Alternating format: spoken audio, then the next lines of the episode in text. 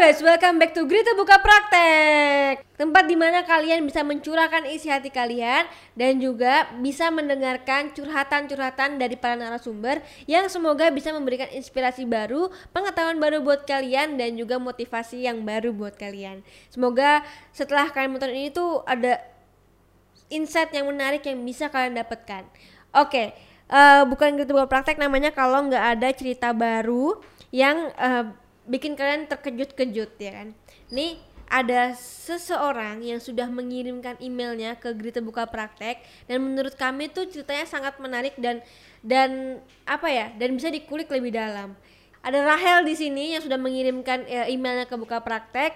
Bagaimana dulu dia dipaksa menjadi pengemis oleh ibu kandungnya dan juga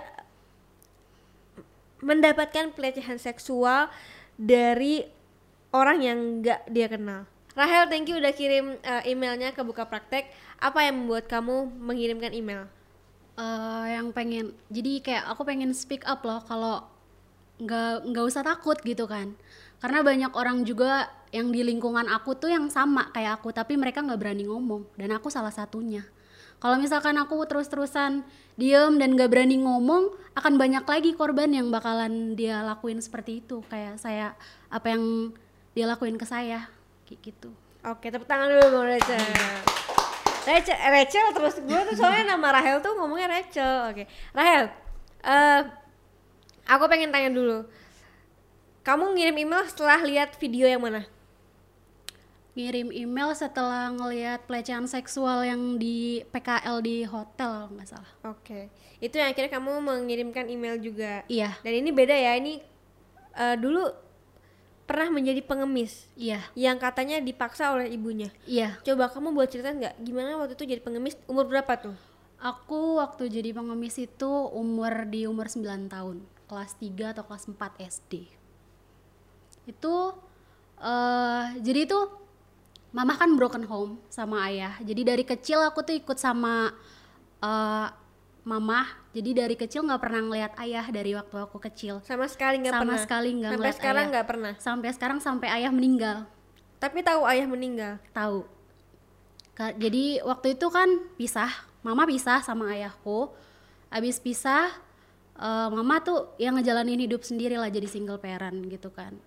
Dan di situ tuh ya waktu waktu masih umur kayak kelas 2, kelas 3 mama tuh masih ya baik-baik aja gitu kan nggak ada rasa ini. Tapi setelah aku besar setelah aku besar itu kayak ada kayak mama ngelihat aku tuh jadi kayak benci gitu loh. Karena mungkin muka aku atau apa mirip sama ayah gitu. Jadi kayak aku tuh dianggap kayak yang lu kenapa sih harus ada? Lu kenapa sih harus nyusahin gua? Kayak gitu. Jadi kayak yang sempat mikir oh berarti gua tuh apa namanya nggak nggak harus ada ya di sini gitu kan. Sampai punya pemikiran kayak gitu tuh waktu kelas 5 SD gitu karena sering-seringan dapat penolakan seperti itu kan. Jadi masuk gitu kan. Oh berarti gue bukan anaknya kali ya? Kok dia sama cucu-cucunya sayang sama gue gue anaknya? Kok beda banget gitu kan. Akhirnya waktu itu puncaknya kelas 3 apa kelas 4 ya intinya di antara kelas itu aku tuh uh, dia bilang ya yang aku ingat gini mama bilang tuh lihat deh yang di sana. Dia bilang kayak gitu di sana itu teman aku gitu. Teman aku juga ada yang ngemis kayak gitu. Nah dia tuh umur segitu udah bisa nyari uang gak nyusahin mamahnya. Sedangkan kamu apa? Dia bilang kayak gitu kan. Dan di situ kayak apa aku harus kayak dia supaya mama sayang? Cuma pengen disayang sama mama gitu doang. Tapi ya ya udah gitu kan. Akhirnya kamu mau nggak ikut sama dia? gitu kan. Jadi kalau ditanya orang-orang ditanya kamu mau ke mana aku disuruh jawab mama tuh mau syuting gitu. Padahal aku ngemis gitu loh kak. Sampai mama sendiri yang dandanin aku dari pakai baju yang compang camping terus di dikasih kayak tanah-tanah gitu oh, di muka gitu biar biar lebih kucel lah gitu kan. Ya akhirnya di situ awalnya takut gitu kan tapi lama kelamaan karena temen-temen yang di situ juga temen itu tuh temen aku juga gitu kan. Jadi kayak yang ya udah ayo nyari duit gitu kan. Ntar kalau udah dapet duit lu kan bisa beli apa aja yang lu mau gitu. Jadi kayak oh iya gitu kan. Jadi waktu aku umur segitu tuh kan jajan juga nggak pernah minta sama mamah gitu kan. Mamah tuh nggak pernah yang ngasih uang dan lain-lain ke aku nggak pernah. Aku pun minta nggak karena nggak berani gitu kan. Jadi punya mamah tuh kayak yang ya mama kayak gitu kan. Nggak ada hubungan nggak ada yang kasih sayang kayak layaknya ibu sama anak gitu. Jadi pas dapat uang sendiri waktu dari ngamen itu kayak seneng banget. Oh iya nih gue dapat uang. Gue bisa beli apa yang gue mau. Mungkin mama juga bakalan sayang sama gue karena gue dapat uang gitu sih kak. Itu di umur 9 tahun. Iya itu di umur 9 tahun. Sorry sebelumnya. Waktu itu mama itu kerjanya apa? Mama kerja di eh, rumah tangga gitu maksudnya. Jadi kayak cu- tukang cuci sebenarnya. Jadi megang beberapa rumah gitu. Berarti kamu dari kecil nggak tahu papa, muka wujudnya tahu nggak? Tapi eh tahu. Waktu waktu umur lima tahun sempat ketemu satu kali itu seumur hidup aku ngelihat papa karena papa udah meninggal. Jadi waktu umur lima tahun aku diajak sama mama buat ayo ketemu sama ayah gitu kan. Oh ya udah gitu. Tapi aku tahu gitu aku aku maksudnya inget aku ketemu ayah aku tapi nggak inget wajahnya. Gitu. Jadi eh, dari umur lima tahun itu ya sampai sekarang aku besar aku nggak tahu lagi gimana wajah ayahku sampai dikabarin ayah udah meninggal gitu. Jadi ya udah gitu kan. Cuma berdoa aja maksudnya. Eh, suatu saat kalau aku gede aku cuma pengen nyelipin mawar gitu kan di makam ayah gitu kan. Suatu saat aku cuma pengen naruh bunga sampai aku ngomong ke sahabat-sahabat aku sampai bilang ayo dong bantuin gue nyari makam ayah gue gitu kan. Sampai akhirnya bisa ketemu sama makam ayah aku gitu kan. Udah ketemu sama udah ketemu gitu kak. Jadi ya ampun seneng banget gitu walaupun satu seneng kedua sedih gitu kan. Bisa ketemu sama ayah tapi ya udah di tanah kayak gitu kak. Ya jadi ketemunya juga lewat Instagram kak. Ketemu jadi aku sama ayah aku kan nggak ada hubungan dari semenjak mama pisah eh, dari situ aku kan ikut mama. Jadi udah nggak ada kontak juga sama ayah. Akhirnya pas aku besar gitu kan eh, dua tahun lalu lah dua tahun lalu kan udah berkembang banget ya sosial media. Nah aku tuh nyari di Facebook gitu nyari abang-abang aku. Karena aku punya kakak yang aku sayang gitu kan dari ayah aku gitu loh kak. Jadi ada satu kakak cowok yang aku sayang dari kecil. Karena cuma dia doang kakak cowok aku yang yang sayang sama aku yang aku kira kakak dari mama aja nggak tahu kapan aku lahir jadi cuma kakak aku yang satu itu doang yang yang ngucapin aku ulang tahun yang ngasih kado jadi aku kayak rasa sayang sih sama dia Oke, sebentar. Aku lurusin dulu sebentar. Berarti kamu berapa bersaudara? lima bersaudara kak Lima bersaudara. Kamu anak ke? aku terakhir Anak terakhir. Berarti punya empat kakak. iya Semuanya kandung. Enggak, jadi saat ada yang bareng mama tapi beda ayah. Ada yang satu ayah, beda mama, kayak gitu. Yang yang satu ayah beda mama ada Yang satu ayah beda mama ada, ada berapa? ada dua. Ada dua. Mm-mm. Yang satu ibu beda ayah dua juga. Iya, Berarti berarti kamu berarti kamu satu-satunya anak dari ayah dan ibu. iya, Iya kan? Mm-mm. Oke, berarti semuanya kakak tiri ya? Cuman beda. iya, Iya ya kan? bisa dibilang kayak gitu. Berarti yang dua ikut papa, Mm-mm. dua ikut mama. Iya, Oke. Berarti ini papa udah punya istri, terus Iya. cerai. Mm-mm. Mama udah punya suami terus cerai. Sam- Sama-sama udah punya anak dua, akhirnya menikah, terus dapat kamu kan? Iya. Oke. Oke. Nah, kamu lebih nah, dan kamu lebih lebih eh, apa? Dekat sama yang keluarga papa. Iya. Yang yang kakak dari papa. iya satu orang. Satu orang itu. Nah, kamu cari makam ayah dari Facebook. Iya, awalnya dari Facebook. Oke, terus Dari dicari-cari sih dari Facebook, terus eh, kayak cuma pakai feeling aja gimana sih kak? Ketemu waktu umur lima tahun nggak pernah kontekan lagi sampai aku besar. Kayak cuma ih dia kayaknya abang gue deh gitu. Sampai satu-satu aku kirimin messenger. Kak aku kirimin messenger. Nah terus nggak ada yang balas gitu. Kayaknya udah nggak aktif deh Facebook gitu kan. Nah aku larilah ke Instagram gitu kan nyari di Instagram. Ada dua orang yang kayak kayaknya dia deh abang aku gitu kan. Kayak pakai feeling aja aku chat gitu kan. Tapi kayaknya itu Instagram juga udah nggak aktif. Sampai ada orang yang berkomentar di di Instagramnya itu itu aku kirimin DM juga aku tanya gitu kan. Terus puji Tuhannya tuh direspon gitu kak. Sampai yang "Eh, kamu siapa? gitu kan. Terus "Eh, saya cuma mau nyari kakak saya. Lah tahu dari mana itu kakak kamu? gitu kan. Saya sih cuma ya cuma feeling aja sih kak aku bilang kayak gitu kan terus "Eh, kamu tinggal di mana? Ditanya-tanyain takutnya saya bohong gitu kan. Terus akhirnya sebentar ya saya tanyain. Jadi ya pas ditanyain sama itu ternyata saya DM DM-an sama dia itu ternyata dia istrinya. Istri Oh, dari kakak, kakak, saya. Heeh. Heeh. terus iya saya kenal sama orang ini dia bilang gitu kan. Dia suami saya. Oh di situ kayak yang pas dia bilang ya nanti ya saya tanyain dulu sama orangnya. Pas dijawab saya suruh ngirim nomor WhatsApp saya iya benar dia bilang kayak gitu kan. Kamu adanya dia gitu kan. Itu sampai yang nangis bener-bener kayak ya ampun Tuhan gitu kan. Ini doa aku gitu kan. Sampai yang bener-bener nggak bisa nggak tahu lagi gitu kan. Sampai yang sampai bener-bener ngucap syukur gitu maksudnya.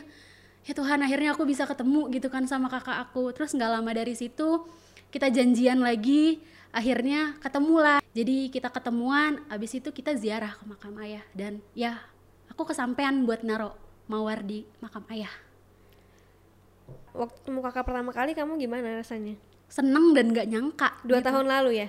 Eh, ketemunya itu dua tahun lalu ya kurang lebih dua tahun lalu Oke. Kamu DM-in satu-satu. Iya, saya DM-in satu-satu yang menur- menurut saya kayaknya dia, kayaknya Dari dia mana? gitu. Mukanya kali masih mirip Iya, mukanya gitu kan. Karena saya cuma punya gambaran kata mama, abang aku tuh tinggi, besar terus hitam tapi mancung gitu kan. Ya udah akhirnya kayaknya dia deh, kayaknya dia gitu. Akhirnya aku DM DM-in terus akhirnya nggak ada yang balas sih, nggak ada yang balas. Cuma pas nggak tahu punya inisiatif aja gitu kan. Pas kayaknya aku yakin gitu kan. Aku yakin tuh yang satu ini ya bang aku. Akhirnya pas aku ngelihat ada komentar, aku tanya kenal nggak sama orang ini kayak gitu. Dan puji Tuhan ternyata dia istrinya dari kakak saya.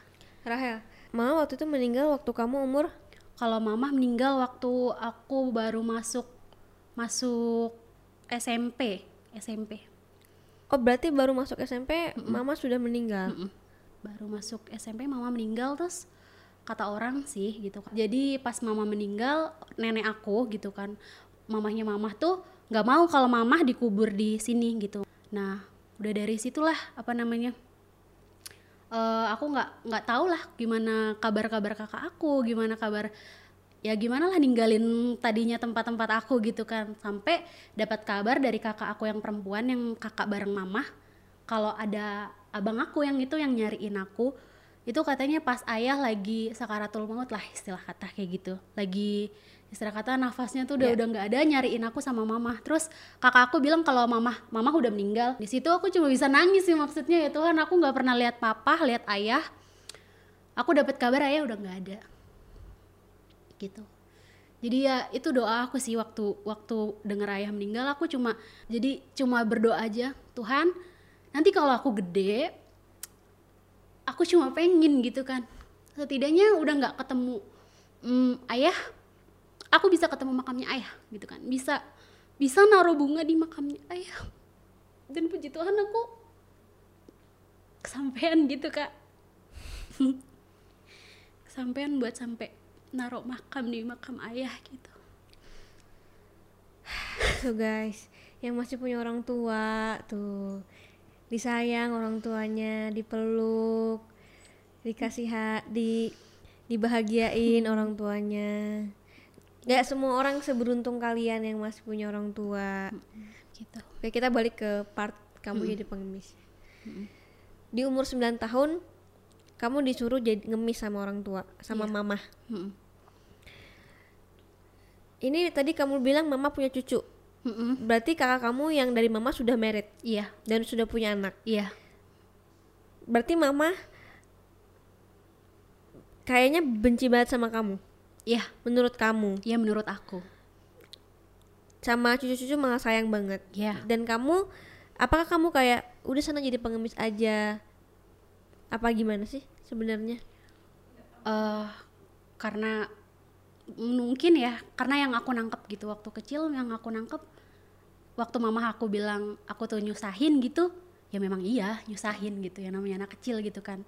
Tapi aku dari kecil tuh nggak nggak kayak anak-anak lain yang sekolah dikasih uang jajan atau bolak-balik minta jajan gitu. Menurut aku aku nggak nggak kayak gitu gitu kan cuma ya aku sadar gitu kan jadi yang bikin aku oh iya nih aku nyusahin mama itu karena ada uang-uang sekolah gitu yang kadang mama nggak punya uang terus harus nyari gitu sampai dapat uang cuma buat bayar itu jadi kayak oh ya udah kalau misalkan uh, aku ngemis mama bisa sayang sama aku aku juga punya uang ya udah kayak gitu Apakah setelah mengemis mama sayang sama kamu? enggak enggak Gak ada perubahan. enggak Oke. Apa kamu tahu itu mengemis adalah eh, sesuatu yang kurang baik?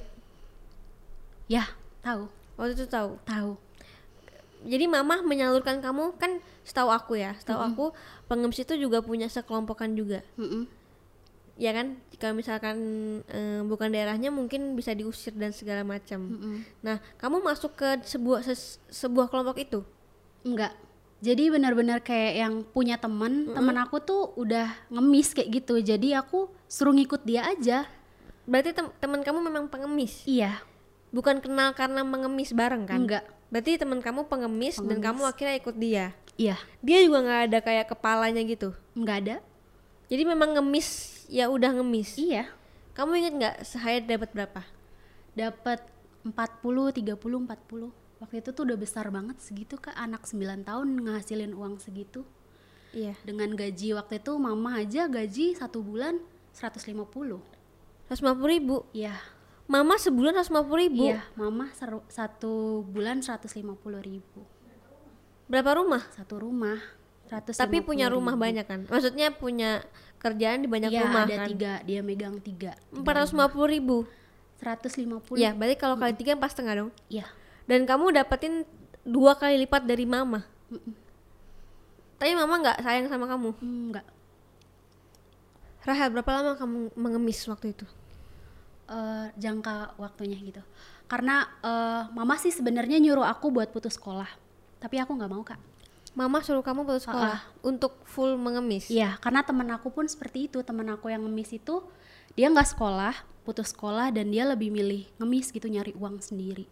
Dan aku ngomong sama mama nggak gitu kan.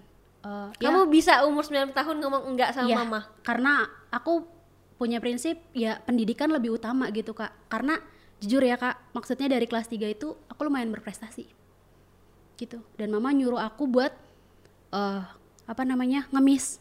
Jadi kayak aku berprestasi sekalipun tuh mama kayak nggak yang ngehargain kayak gitu kan. Jadi kayak yang oh mungkin mama maunya aku cari uang gitu kan bantuin mama aku punya uang gitu kan. Jadi aku sekolah tuh nggak pakai uang mama gitu nggak nyusahin mama gitu. Tapi dari situ ya setelah aku dapat uang setelah ini uangnya kan aku kasih ke mama. Kamu kasih kasih Iya, ke mama. aku kasih ke Semua? mama semua. Aku nggak ngambil sedikit pun dan aku nggak pernah minta mah aku mau jajan dong. Nggak pernah sama mama. Walaupun itu uang aku sendiri yang cari. Gitu Tapi mama sama sekali nggak ngehargain. Enggak. Enggak. Dan dia bahkan dia bilang, kan aku pernah kepergok kak. Aku kepergok sama mamahnya teman aku. Yang di sekolah. Ya yang di sekolah. Iya. Dia manggil. Terus aku nengok. Hmm. Dan itu bener-bener aku yang celemotan, bajunya compang camping itu kayak yang kok aku nengok ya kan jadi ketahuan gitu. Jadi ya dibully lah di sekolahan kalau aku pengemis, pengemis kayak gitu. Terus ditanya sama mama, eh, jadi bapak tiri aku kak yang keempat, dia tuh jualan nasi goreng. Bapak tiri yang keempat. Ah, ah, kan bapak yang ketiga kan aku, maksudnya punya anak aku. Nah mama kan nikah empat kali tuh. Heeh. Bapak tiri aku yang keempat dia jualan nasi goreng. Heeh. Nah setiap malam minggu kan ada pasar malam. Heeh. Nah jadi mama aku tuh suka nongkrong sama ya itu mama yang temen yang ngeliat aku. Nah mama tuh diceritain gitu, kok anak kamu ngemis gini gini gini gini gini gitu kan. Mama tuh nggak tahu gitu, pura-pura nggak tahu. Padahal mama yang nyuruh saya gitu kan. Jadi pas nyampe di rumah, kok kamu bisa sih ketahuan gitu kan sama mamanya si inilah gitu kan. Kok kamu bisa ketahuan sama ini gitu kan. Ya nggak tahu, saya dipanggil ya saya nengok, saya bilang gitu kan. Terus kamu diomelin. Ya, saya diomelin. Terus mama bilang, eh pokoknya kalau kamu ditanya sama guru atau sama siapa pun, kamu jangan bilang kalau mama yang suruh. Kamu bilang kamu yang mau sendiri. Gitu. Jadi, hmm, di sekolah tuh habis di dibully gitu lah, diceng-cengin sama teman-teman gitu kan. Pengemis, pengemis gitu. Tapi ya, ya udah gitu kan. Oke. Pernah kena razia polisi nggak? Enggak. Tapi sering dikejar-kejar. Oh iya, maksudnya sering dikejar-kejar sering. Sering. Oke. Eh Rahel waktu itu biasanya nih, biasanya ya kalau aku lihat dari pengemis ke pengemis gitu eh mamanya itu biasanya mantau dari jauh. Iya. Ibunya mantau dari jauh. Mm. Ibu kamu gitu, gitu juga nggak? Enggak. Jadi aku dibiarin aja udah begitu. Ikut sama temen aku ya ikut. Kadang kita ke pasar pagi, kadang ke pasar ikan gitu, kadang-kadang juga di Cengkareng gitu. Jadi kalau ngamen yang eh ngemis yang bener-bener full itu yang hari Minggu. Jadi dari pagi sampai ketemu sore. Itu berapa kalau yang hari Minggu? Bisa dapat 70.000 ribu sampai 80.000 ribu lah. Itu udah seneng banget pulang bawa uang segitu. Itu tahun berapa Rahel? Tahun 2009 eh 2004 bukan? Iya 2000 segituan. Buset 2004 dapat sehari 70.000 ribu lumayan banget ya untuk anak kecil. Iya. Jadi kadang karena emang nggak bisa minta jajan sama mama, nggak nggak kalau uang nih uang yang aku dapetin aku kasih ke mama pasti nggak pernah dikasih ke aku lagi. Jadi kadang kalau misalkan eh, aku lagi sama teman-teman, eh main yuk ke itu ke time zone, time zone yang di Ramayana. Jadi kadang uang yang dapat hasil ngamen buat dipakai main gitu kan. Jadi ya kalau udah kan habis tuh uangnya ya habis dua puluh ribu tiga puluh ribu kadang ya udah nyari lagi gitu sebelum balik ke uang yang sebelumnya ya nggak pulang Waduh. Selain hari Minggu kan hari kalau hari Minggu kan full kan kamu kerja. Kalau hari biasa tuh kamu kerja berapa lama? dari pagi dari jam setengah tujuh atau setengah delapanan sampai setengah dua belas karena jam 12 aku sekolah Oh, kamu sekolahnya siang. ya aku sekolahnya Jadi siang kamu pagi-pagi aja. pagi-pagi Lanjut malam nggak? nggak nggak nggak kak jadi malam ya udah Oke Rahel, kamu kan setiap hari dapat uang tuh 50 ribu, 30 ribu Dan kamu memang mengemis untuk mendapat perhatian dari mama Iya. Supaya mama sayang sama kamu ya Be- Begitu kamu pulang ke rumah, kamu langsung kasih uangnya atau mama minta dulu? Enggak, aku yang langsung kasih uangnya. Aku cuma bilang, "Mah, aku dapat segini." gitu kan. Ter ya sayang sih mama meluk aku kayak gitu kan. Tapi ya udah setelah itu. Mama memang orangnya tuh dingin, kasar, baik Atau gimana sih sebenarnya kalau kamu bisa describe your mom? Mama itu baik sebenarnya. Tapi mama juga kasar. Gitu. Jadi hmm, banyakan ininya sih, banyakan kasarnya lah gitu yang aku dapetin daripada kasih sayang mama gitu. Jadi ya aku benar-benar dapet feel yang good mom itu waktu aku sakit itu kan du- 2001 atau 2000 berapa gitu. Itu kan banjir yang benar-benar rumah aku tuh tinggal sejengkal lagi, sejengkal lagi tuh kelelep gitu kan. Dan ya eh, it- udah mulai surut, aku sakit, mama gendong aku gitu. Jadi dari situ aku kayak ya mama sebenarnya sayang kok sama aku. Kayak gitu. Berusaha ngelihat mama tuh kalau sekarang ngelihat mama ke sisi itunya gitu walaupun banyak perilaku yang sebenarnya itu buat aku kayak hmm, gitu jadi kalau denger mama kayak gitu atau apa kayak gitu tuh kayak rasanya ih pengen deh punya mama kayak gitu gitu. Jadi kalau ngomongin mama gitu hubungan tentang kayak orang-orang lain pada melukin mamahnya atau apa kayak gitu kayak kok gue nggak bisa ya? kayak gitu. Itu sempet kayak sama temen aku aja aku kayak ya udah gitu kan. Teman aku sampai bilang ya udah anggap aja nyokap gue tuh nyokap lo gitu. Jadi kayak aku yang disa aku disayang tuh sama mamah mamahnya teman aku gitu dibanding sama mamah sendiri. Itu kak. Kamu umur 9 tahun udah bisa nginget itu semua ya. Sampai sekarang kamu bisa eh, bercerita dengan sangat-sangat jelas. Itu berarti di otak kamu tuh masih jelas banget iya. waktu umur 9 tahun itu. Iya. Kenapa akhirnya memutuskan untuk berhenti mengemis? malu. Karena aku udah besar. Udah mau SMP dan terus-terusan tiap hari dibully sama teman-teman gitu. Apalagi sama teman-teman cowok gitu kan. Kalau yang ngata-ngatain itu ya nggak ngelihat ini orang lah nggak ngeliat perasaan orang gitu. Jadi kayak yang padahal gue tuh ngemis disuruh mama tapi mama kayak yang nggak ngakuin kalau mama yang nyuruh. Jadi seakan-akan kayak aku sebenarnya aku nggak mau loh kayak gini. Gitu. Akhirnya jadi dari situ aku udahlah kayak gitu kan. Disuruh sih sama mama maksudnya kalau nggak nyari duit mama tuh ngomongnya dapat berapa lo gitu kan. Lo nyari duit eh, di mana hari ini? kayak gitu. Jadi kalau nggak nyari duit gitu kan. Terus nggak mah.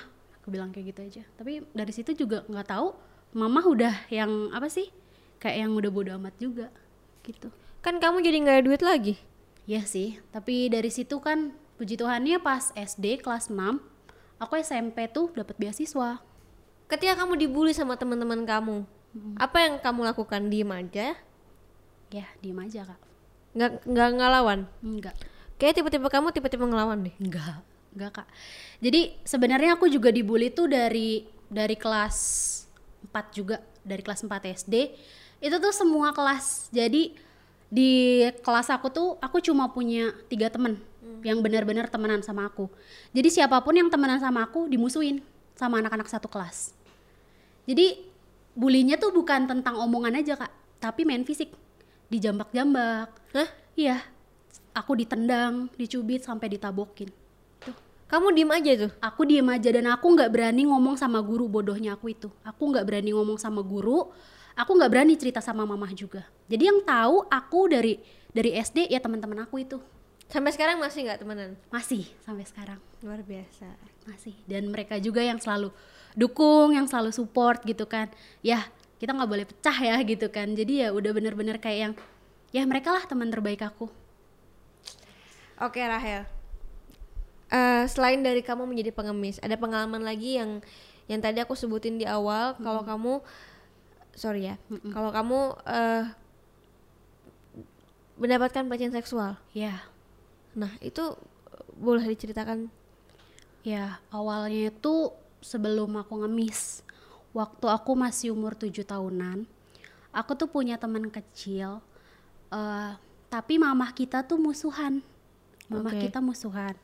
Tapi karena aku berteman sama dia, jadi aku nyuri-nyuri waktu kalau mamah aku lagi kerja, mamah dia juga lagi kerja, kita main.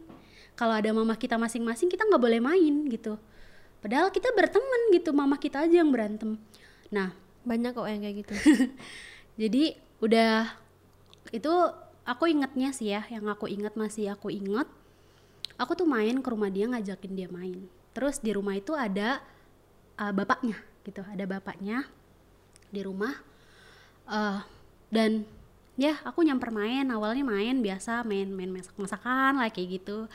Terus sampai anaknya tuh disuruh disuruh sama bapaknya bilang eh dibisikin lah sini sini eh, boleh nggak minta tolong ke warung gitu kan beli rokok gitu aku sih dengernya belinya di warung yang jauh aja gitu kan. Kamu mau jajan jajan apa aja terserah gitu kan. Nggak tahu ngomong apa lagi karena bisik-bisik kan. Ya udah karena namanya anak kecil main-main aja gitu kan. Terus yaudah teman aku pergi. Dia cuma bilang eh kamu di sini aja ya nanti pulang aku dari warung kita main lagi dia bilang kayak gitu. Terus ya udah akhirnya aku nungguin dia dong sambil main-mainan kayak gitu. Terus tiba-tiba pintunya ditutup. Pintunya ditutup ya nggak peduli sih waktu awal-awal itu nggak peduli.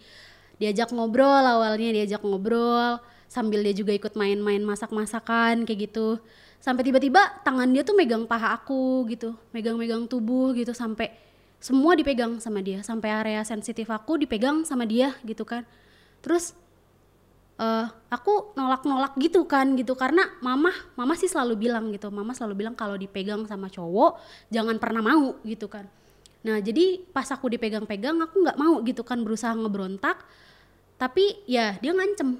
Dia bilang awas aja kamu kalau bilang sama mama kamu. Dia bilang kayak gitu kan. Kalau kamu bilang sama mama kamu kamu yang digebugin dia bilang kayak gitu. Karena memang mama aku juga kalau mukulin mukulin aku gitu itu nggak pandang bulu walaupun aku anaknya. Dipukul ya dipukul beneran. Sampai berdarah ya berdarah. Kayak gitu. Jadi takut gitu. Karena diancam akhirnya pas itu lumayan lama sih lumayan lama aku ngerasainnya.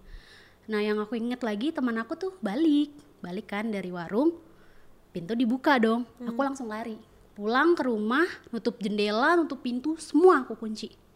Aku tuh kayak kayak yang takut gitu kan takut terus kayak yang keringetan nggak ngerti gimana lagi terus dia cuma ngeliatin karena rumah kita kan depan-depanan waktu itu. Jadi aku kan ngintip dari hordeng terus dia kayak ngeliatin aku aja dari situ dari hordeng. Itu aku beneran takut. Takut banget sama dia. Nggak berani ketemu. Kalau kalau ngeliat dia aku langsung masuk terus kalau ketemu dia aku langsung lari gitu pergi gitu. Nggak nggak apa sih? Nggak pengen ketemu dia gitu kan takut. Nah di di area aku itu memang dia punya kelainan kali ya seperti itu. Jadi banyak anak perempuan juga yang bukan cuma aku yang dilakuin seperti itu. Berarti dia banyak banyak, banyak, korbannya kak makanya aku pengen banget ngomong gitu kan. Yang dulunya aku diem diancam sama dia hey aku berani ngomong. Gitu kan. Supaya orang yang ngerasain hal yang sama kayak aku berani ngomong dan jangan diem. Itu benar-benar kayak yang traumanya tuh sampai sekarang gitu. Kalau kalau kita diem gitu kan terus kita nggak berbuat apa-apa banyak banget korbannya yang Soalnya malah kamu sekarang menjelaskan dengan sangat-sangat jelas. iya gitu. Jadi wah ternyata ya gitu kan. Dulu aku dipegang-pegang itu tuh Salah. sebuah hal yang nggak bener gitu kan. Oh baru ngehnya tuh pas aku dewasa gitu. Tapi waktu kecil itu aku inget inget jelas aku diraba-raba dipegang-pegang gitu kan. Jadi di belakang rumah aku tuh kak kalau pulang sekolah kan anak-anak tuh lewatnya suka lewat-lewat gang kayak gitu.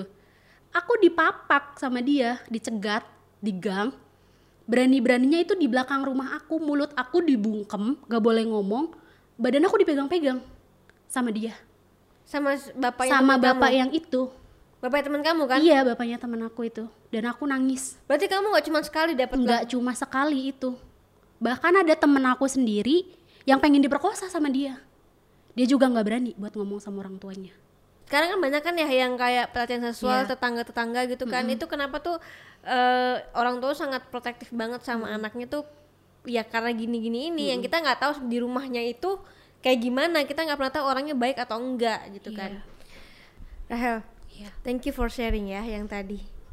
Luar biasa. Kamu umur 7 tahun waktu itu tapi bisa nginget dengan jelas sampai sekarang. Iya. dan sekarang berani speak up. Waktu jadi pengemis setelah itu kan jadi pengemis ya? Mm-mm. Aku pengen tahu sebenarnya gambaran perekonomian kamu seperti apa sih waktu itu? Sampai akhirnya eh, mama suruh kamu untuk jadi pengemis. Apakah kamu tinggal di gang yang sempit? Hmm, masih dibilang kita cukup sih kak gitu kan. Dibilang cukup maksudnya nggak yang sampai kayak yang orang susah-susah banget ya enggak bahkan mama aku sendiri bukannya aku mau jelek-jelekin mama aku enggak aku justru sayang sama mama aku sampai mama pun bisa minjemin uang ke temen-temennya. Dalam tanda lain mama jadi rentenir. Oke. Dan ada bunganya ya berarti? Ya ada nggak sih pengalaman-pengalaman yang kurang menyenangkan yang masih berbekas di kepala kamu? Ya itu balik lagi masih tentang pelecehan seksual sih kak. Kamu kena pelecehan seksual lagi? Ya. Jadi itu tuh aku kayak kita pergi untuk ngemis itu bertiga. Jadi kita ngemis tuh kayak di daerah perumahan, perumahan Cengkareng. Nah, di situ tuh kita mencar gitu kan, mencar gitu. Jadi supaya jangan jangan bareng-bareng lah gitu mencar.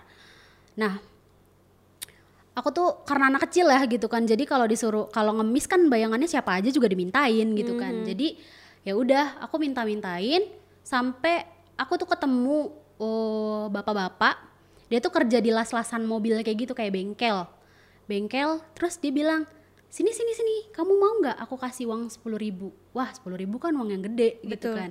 Uang yang besar uang lima ribu aja gede gitu kan apalagi uang sepuluh ribu. Ih mau gitu kan. Terus sini akhirnya ya udah aku ikut dia gitu kan. Nah pas aku ikut dia tapi kamu harus nurut ya apa yang aku omongin apa yang aku suruh dia bilang gitu. Terus ya gitu kan. Iya iya aja gitu. Ta- tapi kan nggak tahu apa yang mau dia suruh. Nah akhirnya aku ditarik sama dia lagi dan lagi badan aku dipegang-pegang sama dia. Terus sampai megang bagian sensitif juga di situ aku tahu ini nggak bener aku lari. Dari situ aku lari ya duitnya aku nggak dapet tapi aku malah ngedapetin pelecehan seksual. Dari situ aku lari benar-benar ketakutan lagi kayak yang bangkitin trauma aku lagi gitu waktu waktu aku kecil gitu kan. Eh, jadi kayak yang ketakutan yang benar-benar sampai yang dingin gitu benar-benar takut aku dikejar pakai motor sama dia. Kamu dikejar pakai aku motor? dikejar pakai motor dan aku lari ke gang-gang. Dia tetap ngikutin sampai aku ketemu ibu-ibu. Kenapa kenapa? Ditanyain gitu kan. Bu jangan bilang saya di sini. Saya ngumpet di bawah mobil di kolong mobil. Saya ngumpet. Astaga. Karena saya dikejar-kejar. Itu yang sampai sekarang saya masih ingat dengan jelas sampai saat ini. Saya dikejar-kejar pakai motor saya ngumpet di bawah mobil terus ada ibu-ibu yang nolongin saya gitu kan. Setelah dia pergi gitu kan ayo keluar keluar gitu kan. Terus saya dibeliin makanan dibeliin minuman saya suruh cerita sama dia. Kamu cerita nggak? Saya cerita. Di situ saya nangis gitu. Maksudnya kayak kenapa? gitu kan. Saya nangis sampai ibu-ibu itu meluk saya gitu. Ya udah yuk saya anterin pulang gitu kan. Terus saya bilang bu saya belum bisa pulang saya belum dapat uang gitu. Saya mau pulang saya belum dapat uang. Kalau saya pulang dengan uang sedikit nanti mama marah sama saya. Akhirnya setelah saya makan setelah saya tenang ibu itu mecahin uang 50 ribu dikasih ke saya. Supaya saya pulang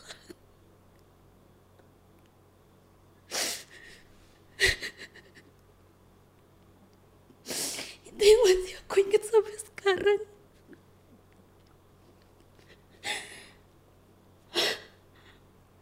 Gak tahu aku nggak inget mukanya ibu-ibu itu tapi aku ngerasa aku ditolong. Aku bener-bener ditolong saat itu. Ibu itu kasih uang. Habis itu saya pulang. Saya naik ojek pulang kok pulang cepet? Mama nanya. Sehingga berani cerita Kamu sama sekali nggak pernah cerita sama mama soal gak ini. pernah cerita sama mama. Habis itu saya cuma bilang ya saya capek. Lagian uang saya juga udah dapet banyak gitu. Oh ya udah. Mama dengan biasa aja. Oh ya udah. Gitu. Luar biasa. itu yang yang masih aku inget itu jadi sempet takut sama cowok sempet takut gelap. Kenapa takut gelap? karena kalau aku nggak ngumpet di kolong mobil itu nggak tahu aku kayak gimana. Karena aku di pikiran aku nggak tahu. Aku ngerti aku udah ngerti kak tentang pelecehan seksual itu maksudnya. Yang diperkosa. Bahkan teman aku sendiri cowok itu dile- dilecehin juga dari belakang gitu. Aku tahu. Jadinya ketika aku ngumpet di kolong mobil itu aku bersyukur gitu. Loh kalau aku nggak ngumpet di situ aku nggak tahu. Jadi ya pas aku entah di ruangan gelap atau apa itu inget keinget. Jadi kayak oh, jangan deh jangan jangan gitu. Nyalain nyalain lampunya gitu kalau lagi ngumpul atau lagi apa. Tapi puji Tuhan sekarang sih enggak gitu. Kamu sudah bangkit dari Iya. keterpurukan. ya Rahel yang luar biasa. Setelah mama meninggal waktu kamu masuk SMP, papa meninggal waktu ya sebulan atau dua bulan ya mama meninggal aku dapat kabar jadi papa sama mama meninggalnya nggak terlalu jauh ya. Iya. Jadi kan eh mama aku tuh kerja megang tiga rumah, eh, tiga pintu lah gitu kan istilah kata bahasa sehari-harinya. Pegang tiga pintu. Jadi kalau pagi tuh di rumah si ini, siang di rumah si ini, nanti sore di rumah si ini. Nah, eh majikan mama aku itu sayang sama aku yang perempuannya karena anak-anak mereka tuh udah besar, udah punya anak semua. Jadi dia tuh di rumah itu cuma berdua. Jadi ngelihat aku masih kecil, dia tuh pengen ngasuh aku sebenarnya gitu kan. Nah, demikian juga sama yang suaminya gitu. Nah, aku aku disayang gitu. Kalau sama mereka maksudnya yang nggak pernah dibeliin es krim sama mama dibeliin kayak gitu kan. Jadi kayak udah dapet Keluarga. nih, eh, dapet nih. Aku kasih sayang dari eh, majikan bos aku gitu kan. Tapi majikan mama. Iya majikan. Tapi kamu waktu itu masih kondisinya masih jadi pengemis. itu udah apa belum ya lupa aku kak kayaknya Sebelum. sebelum sebelum itu sebelum ya sebelum Oke, setelah itu setelah itu eh jadi udah ngerasa percaya kan sama mereka karena mereka orang tua orang tua kedua aku lah gitu kan. Apalagi aku juga nggak punya figur ayah gitu. Jadi ketika ada sosok laki-laki yang sayang sama aku kayak gitu aku benar-benar kayak percaya sama dia gitu kan. Terus eh mama tuh selalu bilang eh mama kerja dulu di sini. Nanti kamu kalau siang kamu ke sana duluan aja. Takutnya mami kan mami itu kayak yang iya Ya, itu gitu ibunya. kan heeh. Nanti takutnya mami mau pergi, jadi kamu jaga rumah aja. Kalau enggak, kalau ada piring, karena aku udah dari kecil udah dididik mandiri gitu. Kalau ada piring kotor ya kamu cuci-cuciin atau nyapu lah apa gitu supaya ngeringanin beban mama kayak gitu. Balik lagi, apa yang bikin mama senang aku lakuin gitu loh kak. Jadi ya udah, aku pergi ke sana ke rumahnya bos aku gitu kan. Bener aja, maminya pergi gitu kan. Rumahnya tuh udah berantakan gitu maksudnya mami juga besar abis masak kayak gitu tapi yang berat-berat aku nggak cuciin piring-piring aja yang aku cuciin udah. Nah kan mama ke situ tuh jam ya jam 11 setengah 12an tapi itu udah mau setengah 12 mama belum dateng sedangkan aku mau sekolah gitu kan. Aku mau sekolah terus eh eh, si aku kalau manggil yang cowok ini babe gitu kan. Jadi mami sama babe gitu. Aku bilang beh bentar lagi aku sekolah nih gitu kan. Eh gimana ya? Aku nggak bawa baju aku bilang kayak gitu kan. Ya udah mandi aja di sini. Jadi nanti pulang tinggal apa namanya tinggal ganti baju gitu kan oh iya gitu. Jadi memang nggak ada pikiran apa-apa kan? Jadi habis itu aku mandi. Pas aku mandi pintunya diketok. Diketok dan aku buka karena aku nggak mikir yang lain-lain. Iya. pas aku mandi ya disabunin semua. Dipegang-pegang lagi dan lagi dan itu aku diem aja. Gitu. Jadi dari pertama sama ayahnya temanku. Yang kedua sama majikan bosku. Majikan ibu. nah majikan majikan mamahku terus yang ketiga aku dari jalanan itu terus yang keempat hampir sama pacar aku sendiri itu Sama majikan ibu emang sebelumnya dia itu menunjukkan tanda-tanda bahwa dia akan melakukan pelecehan seksual? enggak Maksudnya kan mungkin kan kamu kan udah kenal lama dan udah menjadi mungkin kayak keluarga gitu kan. Mungkin dia kasih kayak tanda-tanda bahwa dia menginginkan kamu istilahnya gitu. Enggak sih atau mungkin aku yang nggak punya pikiran ke sana gitu nggak tahu. Jadi aku dikas di disayang sama mereka tuh kayak yang ya udah kayak gitu kan malah bersyukur nggak ada pikiran sama sekali ke sana. Tapi semenjak eh, apa namanya semenjak kejadian itu aku mandi dipegang-pegang itu jadi lebih sering lebih berani gitu kan. Lebih berani terus eh, sampai mamah tuh pulang kampung. Jadi aku ditinggal karena aku sekolah karena aku ujian kan masih ujian terus mama ada kebutuhan lain lah harus pulang. Aku dititipin sama mereka. Dan di situ bosnya mama aku yang cewek tahu kalau suaminya seperti itu ngelecehin aku. Oke, terus? Saat aku tidur karena aku tidur di ruang tamu pakai kasur matras gitu. Mm-mm. aku ngerasa gitu kan badan aku dipegang-pegang pas malam. Hmm. terus eh entah jam pokoknya menjelang subuh lah menjelang subuh mereka berantem besar gitu kan. Aku denger gitu kan. Aku denger itu tuh anak kecil gitu kan. Lu ngapain sama dia? gitu kan. Lu apain anak orang? gitu kan. Aku denger gitu. Aku nangis kak. Aku nangis gitu. Bener-bener kayak yang ya ampun gitu kan.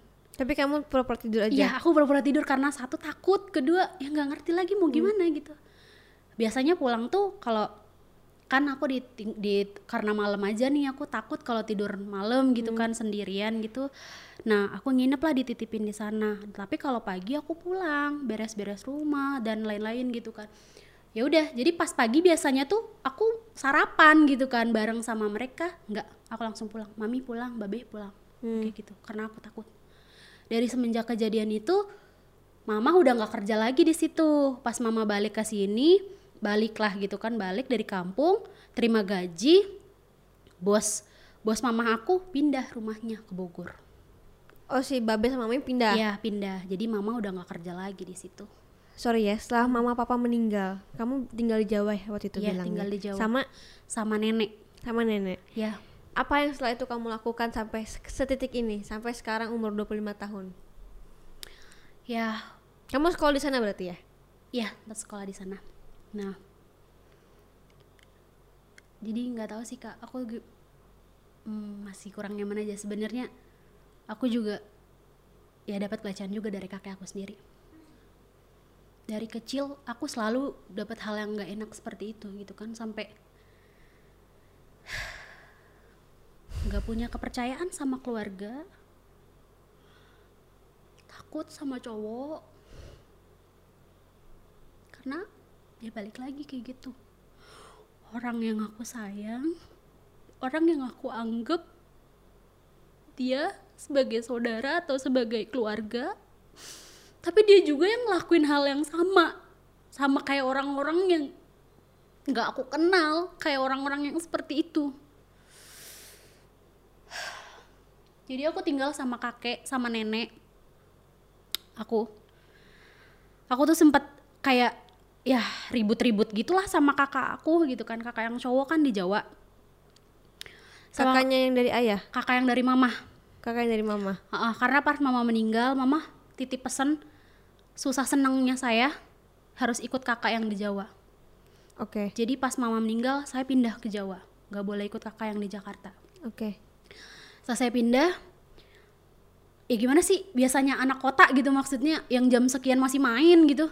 Itu di kampung kan beda banget gitu, suasananya ininya gitu. Terus nggak bisa ngomong juga gitu kan, nggak punya temen gitu.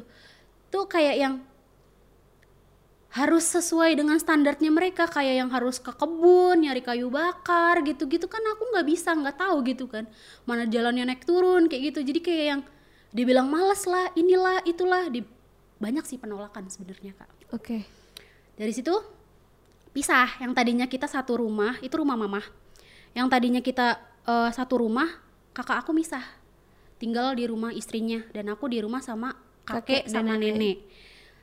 Nenek aku waktu itu tuh pergi ke rumah tante aku anaknya gitu kan anaknya buat kayak yang ikut eh apa sih nginiin padi gitu. Jadi nanti dibagi padinya gitu kan. Nah itu tuh adalah hampir dua minggu terus aku kan ya seperti biasa gitu kan beres-beres dan lain-lain kayak gitu karena aku ya siapa kalau yang bukan aku? gitu. Ya udah terus malam malam itu tuh apa sih hujan sebenarnya hujan banyak kilat gitulah gede-gede gitu. Terus eh kakek aku tuh bilang eh kamu tidur sama aku aja gitu kan kalau emang kamu takut sama ini gitu kan. Oh ya udah gitu kan. Aku tidur sama kakek aku terus dia balik lagi kayak gitu. Aku dipegang-pegang lagi sama kakek aku. Tapi aku pura-pura nggak nggak bangun. Karena takut gitu kan pura-pura nggak bangun nggak nggak nggak tahu aja gitu kalau kakek aku kayak gitu. Terus dari semenjak situ eh yang tadinya aku ngerasa aku harusnya dilindungin malah kayak yang digituin lagi. Dan akhirnya dari semenjak situ aku nggak deket lagi sama kakek aku padahal aku sayang sama kakek aku aku cuma yang tadinya aku dipilih-pilih kasih sama mama karena cucunya terus dipilih kasih sama kakek sama nenek eh dipilih kasihnya sama nenek nenek aku jadi lebih sayang ke adiknya mama gitu maksudnya anak dari adiknya mama tuh cuma kakek aku aja yang sayang sama aku tapi kakek aku juga yang ngelakuin kayak gitu ke aku Kamu dipegang-pegang juga. dipegang-pegang juga Alas vitalnya juga. Iya, sama kakek aku. Kakek aku sendiri. Ya dari situ aku nggak pernah mau lagi tidur sama dia. Dan kamar selalu aku kunci. Gitu. Jadi ketemu seperlunya, ngobrol seperlunya, kayak gitu. Yang tadinya kita deket, jadi kayak yang, oh udah, karena aku udah besar kak. Itu Udah- SMP. Ya udah SMP. Aku udah bisa ngerti lah gitu kan. Oh, enggak kayak gitu. Gimana caranya kamu bisa kembali ke Jakarta? Kerja. Jadi aku Setelah SMA. Enggak, belum lulus. Jadi aku belum lulus. Aku kerja ikut orang ikut kerja serabutan. Ikut orang kerja serabutan eh Kenapa akhirnya kamu memilih untuk kerja? Padahal belum umur kamu untuk kerja. ya, karena satu aku udah nggak betah di sana. Aku udah nggak betah, terus eh capek juga sih nggak punya uang apa-apa kayak gitu. Keekonomian kalau di Jawa itu emang benar-benar keekonomian. Aku pergi ke Jakarta buat nyari ini pekerjaan. Dan akhirnya ya sampai sekarang Sorry. Waktu itu waktu kamu memutuskan kerja, itu kamu umur berapa? belum ada 17 tahun. Kamu punya kemauan diri sendiri untuk kerja, untuk Iya. cari uang. Iya. Aku bisa masak, bisa lain-lain, tapi orang di rumah selalu ngerendahin, kamu mau kerja, kamu kerja apa? Kamu aja males dan lain-lain. Padahal aku masak bisa, ini bisa karena dari kecil aku udah diajarin mandiri sama mama. Dan akhirnya aku buktiin, aku kerja, aku dapat uang satu tahun kehidupan mereka aku yang topang. Maksudnya aku selalu transfer uang, transfer uang ke mereka kayak gitu. Setelah satu tahun di Iya, Jakarta. setelah satu tahun di Jakarta. Mereka ngakuin kalau oh iya ternyata kamu ini ini gitu. Tapi ya udah. Kamu ke Jakarta itu kerja apa pertama kali? Jadi pembantu rumah tangga. Pembantu rumah tangga. Mm-mm. Gajinya waktu itu Waktu itu gajinya 500 ribu. 500 ribu. Iya. Gajinya Tapi udah berapa tahun lalu ya? Iya udah lama. Udah lama. 500 ribu aku tuh ngasuh anak sih, ngasuh anak. Ngasuh anak kecil kayak gitu. Aku masih kecil ngasuh anak kecil. kan kayak yang gini banget tapi ya karena aku balik lagi aku sayang sama anak kecil. Aku sayang sama anak kecil jadi ya karena aku nggak punya adik terus aku sayang sama anak kecil jadi aku mau nerima pekerjaan itu. Dan puji Tuhannya eh, yang itu maksudnya eh, majikan aku itu benar-benar baik sama aku. Gitu. Jadi dari situlah aku kerja serabutan serabutan. Sampai saat ini juga aku kerja karena aku juga lagi ngikutin sekolah paket kayak gitu kan awalnya. Paket Nah, C itu ya? Ya, nah terus eh aku ngelamar kerja dari kerjaan yang ini, yang itu gitu kan dengan modal saya pengen kerja, saya niat kerja dan puji Tuhan diterima tanpa saya punya ijazah, gitu diterima ya karena saya mau belajar gitu kan dan ya puji Tuhan saya diterima gitu karena sampai di titik ini nggak nyangka aja. Iya, sampai sekarang kamu titik ini kamu bangkit dari keterpurukan. Iya, Apa yang ada dalam diri kamu? ya s- eh, Kamu apa yang membuat kamu akhirnya bisa bangkit. Sampai sekarang di sini ya, speak up di sini. karena saya yakin bukan cuma saya yang ngalamin hal seperti ini. Terus juga saya cuma mau bilang kalau misalkan kita ngedapetin perlakuan yang gak enak harus ngomong. Enak nggak enak harus ngomong. Ya walaupun orang tuanya mungkin mungkin pasti adalah yang punya orang tua seperti saya gitu kan. Harus ngomong gitu kan. Kalau nggak ngomong sama orang tua siapa gitu kan siapa lagi gitu kan. Sebenci-bencinya orang tua pasti ketika anaknya dilakuin seperti itu pasti akan marah. Tapi bodohnya saya waktu itu saya nggak ngomong sama orang tua saya karena saya takut takut gitu. Jadi ya kalau misalkan adalah hal yang nggak enak gitu diomongin jangan diem. Karena kalau diem bahkan banyak lagi korbannya. Apalagi dari pelecehan seksual.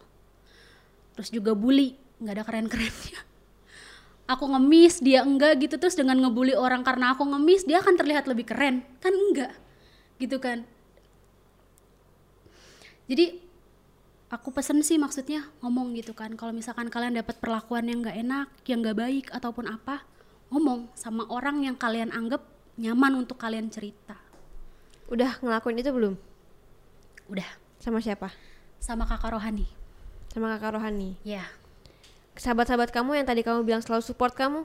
ya cerita sama mereka juga karena mereka yang tahu kecilnya saya yang tahu kehidupan saya di sekolah yang tahu kehidupan saya di sini dan mereka mau nerima. Saat orang lain bilang saya pengemis dan lain-lain ngejauhin saya dia yang selalu ada. Dan dia yang selalu bilang ya udah sih ya udah itu karena saya nggak ada temen waktu SD cuma mereka doang aja itu Apa yang udah kamu lakuin? Kan eh, selain speak up di sini, apa yang udah kamu lakuin eh, yang sesuai dengan apa yang kamu mau tadi? Kayak semoga ini tuh bisa teman-teman di rumah yang mungkin kena pelecehan seksual bisa terima juga, bisa speak up. Aku bikin pelayanan tersebut buat anak-anak jalanan karena aku ngerasain bagaimana aku di jalanan. Terus aku sering ajak mereka ketemu, ajak mereka ngobrol karena aku ngerasain ketika aku jadi mereka nggak punya temen buat ngobrol. Kita pengen ngomong apa tuh selalu dipendem, nggak bisa. Dan aku selalu ngumpulin anak-anak, terus aku tanyain gitu satu-satu kayak gitu, kamu ngalamin apa, ngalamin apa gitu. Dan puji Tuhannya ya aku diberkati mereka juga seneng kayak gitu jadi kayak yang oh jangan sampai gitu kan jangan sampai kamu ngalamin seperti apa yang aku alamin gitu kan Itu buat kamu healing trauma juga. iya dengan uh, secara nggak langsung saya pulih gitu kan dari dari itu gitu kan. Dari yang dulunya takut sama cowok takut sama gelap kayak gitu. Jadi kayak ngajarin mereka kayak gitu melukin mereka satu-satu saya bilang sama mereka kalau ada yang pegang badan kamu aku bilang jangan pernah mau. Pergi atau lari aku bilang kayak gitu kan. Terus kamu harus cerita cerita sama orang yang kamu anggap kamu nyaman sama mereka. Dan iya mereka merespon dengan baik Berapa lama kamu trauma sama cowok? Jadi kamu gak punya pacar selama trauma sama cowok atau gimana? Respon Eh, kamu sama cowok? respon sama cowok sih nggak terlalu ini kak nggak terlalu kayak yang gimana gimana gitu tapi ada satu gitu kan saat aku mulai percaya diri lagi gitu kan sama cowok balik lagi kayak gitu gitu kan dia juga bandar obat-obatan terlarang Mm-mm. jadi itu tuh aku diajak eh, sama dia diajak main lah sama dia ke tempat tongkrongannya mereka. Itu aku dicekokin alkohol. Oke. dicokokin alkohol sama dia sampai aku tuh kayak setengah mabok gitu Iya. kan. Tapi kan aku masih sadar gitu Betul. kan. Karena rasanya pahit jadi kan susah gitu kan. Oh, iya iya iya gitu. Terus udah kayak yang inginin aku aja gitu kan. Terus ayo ayo ayo. Gantian gantian kayak gitu. Terus aku bangun. Hmm. terus aku pukul pacar aku aku kabur. Gitu. Dari situ aku putus lah sama dia gitu kan. Terus eh, udah dari semenjak situ aku nggak pernah lagi punya pacar kayak gitu kan. Kayak yang ah nggak guna kayak gitu kan. Jadi maksudnya cowok tuh selalu punya pikiran seperti itu gitu kan. Di pikiran aku tuh cowok selalu punya pikiran seperti itu. Akhirnya setelah kamu Heeh. eh, banyak cowok yang kayak Mm-mm. gitu. Iya, jadi kayak yang enggak nih, enggak gitu kan. Jadi kayak orang yang mau yang deketin aku, yang mau yang mau pacaran sama aku tuh karena nafsu gitu loh. Enggak, mendingan aku sendiri kayak gitu kan. Mendingan aku sendiri, enggak mau punya pacar gitu kan. Percuma aja gitu. Pacaran sama dia di depan-depannya baik, tapi ke tengah-tengahnya selalu seperti itu. Laki-laki seperti itu gitu kan. tapi Jadi- kebetulan laki-laki seperti itu nggak semua laki-laki Iya, seperti itu gitu kan. ya kebetulan kamu dapatnya yang seperti itu Iya. terus tapi masih banyak laki-laki yang baik di luar Iya. sana berapa tahun akhirnya kamu pulih di titik mana akhirnya kamu bisa memaafkan seluruh keadaan yang ada di hidup kamu Dua tahunan yang lalu. baru dua tahun Baru lalu Dua tahun lalu yang lalu. akhirnya kamu bisa meng- mengikhlaskan lah ya Iya. memaafkan Memaafkan. karena kan nggak semua orang eh, kayak kamu gitu Iya. kan dan dan nggak semua orang juga yang dapat perlakuan kayak kamu bisa eh, sampai sekarang bisa kayak kamu Iya. bisa kuat kayak kamu bisa mengikhlaskan kayak kamu Mm, dua tahun yang lalu sih tepatnya waktu eh sebenarnya ya kakak rohani saya yang banyak nolong saya gitu kan Eh, karena ya kalau hidup saya saya pakai untuk ngebenci orang lain terus hidup saya saya pakai cuma buat nginget-nginget trauma gitu kan saya akan tetap di situ aja Betul. gitu kan. Nggak bakalan ke mana-mana gitu kan. Jadi saya harus keluar dari zona itu gitu kan. Dan saya yakin maksudnya nggak cuma saya gitu kan. Mungkin berawal dari saya gitu kan. Berawal dari saya orang-orang lain pun bisa bisa gitu kan untuk nggak gitu. Untuk terutama kepelecehan seksual ini. Kayak gitu untuk yang ayolah bangun gitu kan. Ayo ngomong gitu kan. Jangan yang lu dilecehin lu diem diem aja kayak gue dulu. Nggak gitu kan. Jadi aku benar-benar punya hati yang ke situ. Melihat melihat diri aku gitu kan. Karena aku sadar aku tahu gitu waktu aku dilecehin sama bapaknya ayahnya temen aku aku nggak sendiri gitu. Maksudnya ada temen-temen yang dilecehin gitu kan dan dia sama nggak berani ngomong gitu kan aku yang udah bangkit gitu kan yang udah bisa memaafkan kehidupan aku sendiri masa lalu aku aku harus nih ngomong gitu kan supaya dia nggak di situ-situ aja kasihan kak hidupnya gitu kan karena jadi keiket sama Iya. itu semua sama Keiket. sama trauma Iya. sama kebencian Iya. Jadi dari dari situlah saya mau kalau ini juga kalau ketemu sama teman-teman juga ya.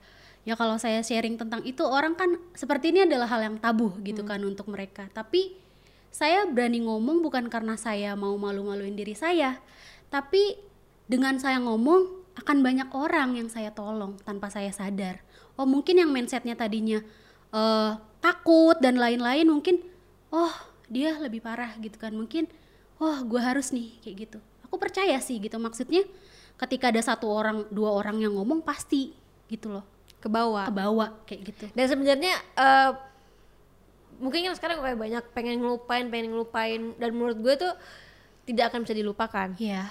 tapi kita cuma bisa memaafkan Iya. mengikhlaskan Iya. pokoknya kita menghilangkan kebencian yang ada di diri supaya kita tuh hidupnya lebih damai Iya.